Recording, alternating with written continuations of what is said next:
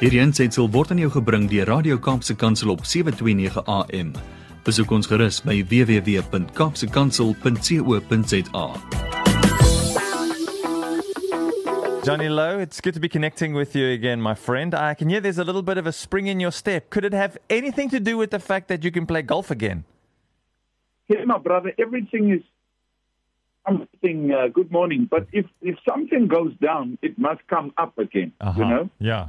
If somebody uh, loses something, you will always gain something back. Um, if you were down and out, you will always be up and with a spring in your step. Uh-huh. Uh, and uh, so, I want to tell you that uh, the golf course is open. All my friends have been playing, but I was so busy uh, with my business that uh, I couldn't I couldn't get to the the golf course. But I can't wait, my brother. I don't know how I'm going to feel after 18 uh, um, holes of golf. um, you know, a round of golf. So, but but but I'm I'm glad we we're getting back to certain things at this moment. Ja, ek het 'n ek het 'n oom Johnny wat uh, elke week 'n paar keer 'n week golf speel. Hy's nou afgetree en hy bly daar op 'n uh, naby 'n golfbaan daar in uh, in Melkbos. En hy het gesê, "O, oh, dit is so lekker vir hom om weer te gaan speel, maar sjoe, asof hy vergeet het om te speel. Hy het dit nie so baie geniet nie. Dit was lekker om weer uit te wees op die baan, maar ja, dis 'n bietjie, you know, golf is very unforgiving at times. It brings you down to earth." Yeah, yeah, my brother. No, um, today I, I want to I want to quickly speak to you about something that is close to my heart. Mm. The previous weeks we've been talking about. Um, uh, I was talking about Romans um, um, 15 verse 13 that spoke about God is the the the the source of hope and love, Mm. and uh, He is giving us peace and joy through the power of the Holy Spirit. Right. Yeah. So, Brad, um, you know, sometimes you talk to people, and this is a conversation that needs to be, uh, we, we need to have this. Because sometimes you talk to people and you assume that they know, that you know, that we both know what we're talking about. You understand what I'm saying? Mhm. So when when I'm talking about the grace of God, I I sometimes assume that people know what they're talking about. Now, in Matthew three, John the Baptist says, he says, verse eleven, and I'm just going to tell the story because I like telling stories. So Mm.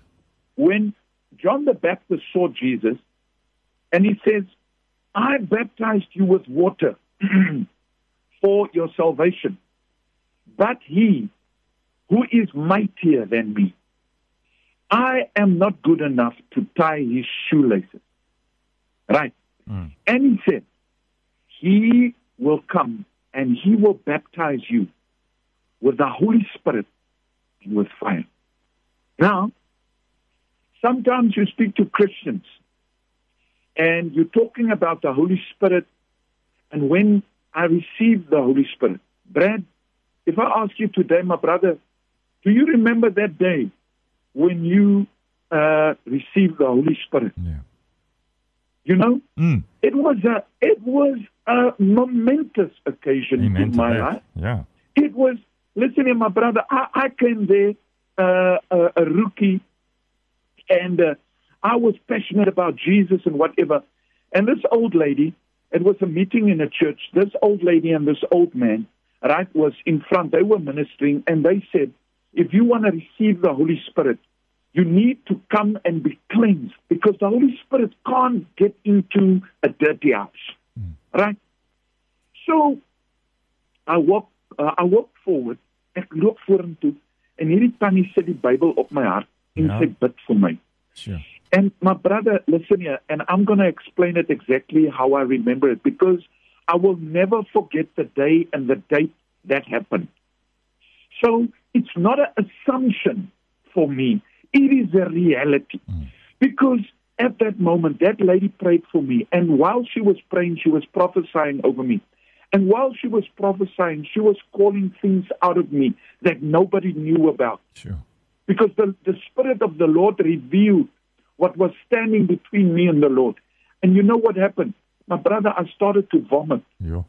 because I, I, I, I was so sick to my stomach about my sinful life. Mm. And it says the Holy Spirit, the one that comes after Jesus, will show you the difference between good and bad, and he will tell you everything Jesus said. And, and all of a sudden, it was crystal clear.